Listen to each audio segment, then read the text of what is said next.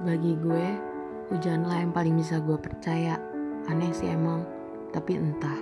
Gue selalu percaya bahwa hujan akan terus mengirimkan setiap rindu yang telah gue titipkan untuk semua orang-orang yang gue sayang.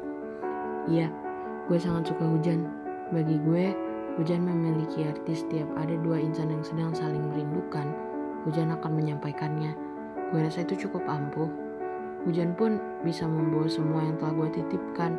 Namun, ketika rasa itu telah hilang dan tersisa satu insan untuk menyampaikannya, apakah hujan akan tetap menjalankan tugas untuk mengirim rindu?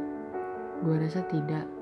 Mungkin gue sempat mencoba untuk mengucapkan pesan itu lagi kepada hujan.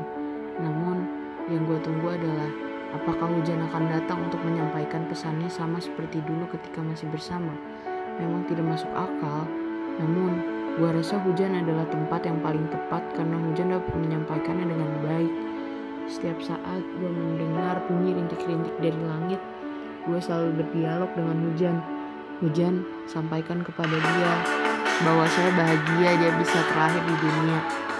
Hujan, tolong sampaikan bahwa saya kangen setiap kata rindu yang dia ucapkan. Bisakah engkau membawa pesan itu kembali? Aroma, rintik-rintik, dan derasnya hujan seolah membawa gue untuk kembali ke masa di mana semua itu masih bahagia, tanpa tangis setiap malam dan tanpa rasa kecewa. Namun, rasa itu yang membuat gue sadar bahwa nggak semuanya akan terus bahagia dan hidup tanpa rasa kecewa. Karena pada akhirnya, rasa kecewa itu yang akan membuat kita kepada pintu kebahagiaan.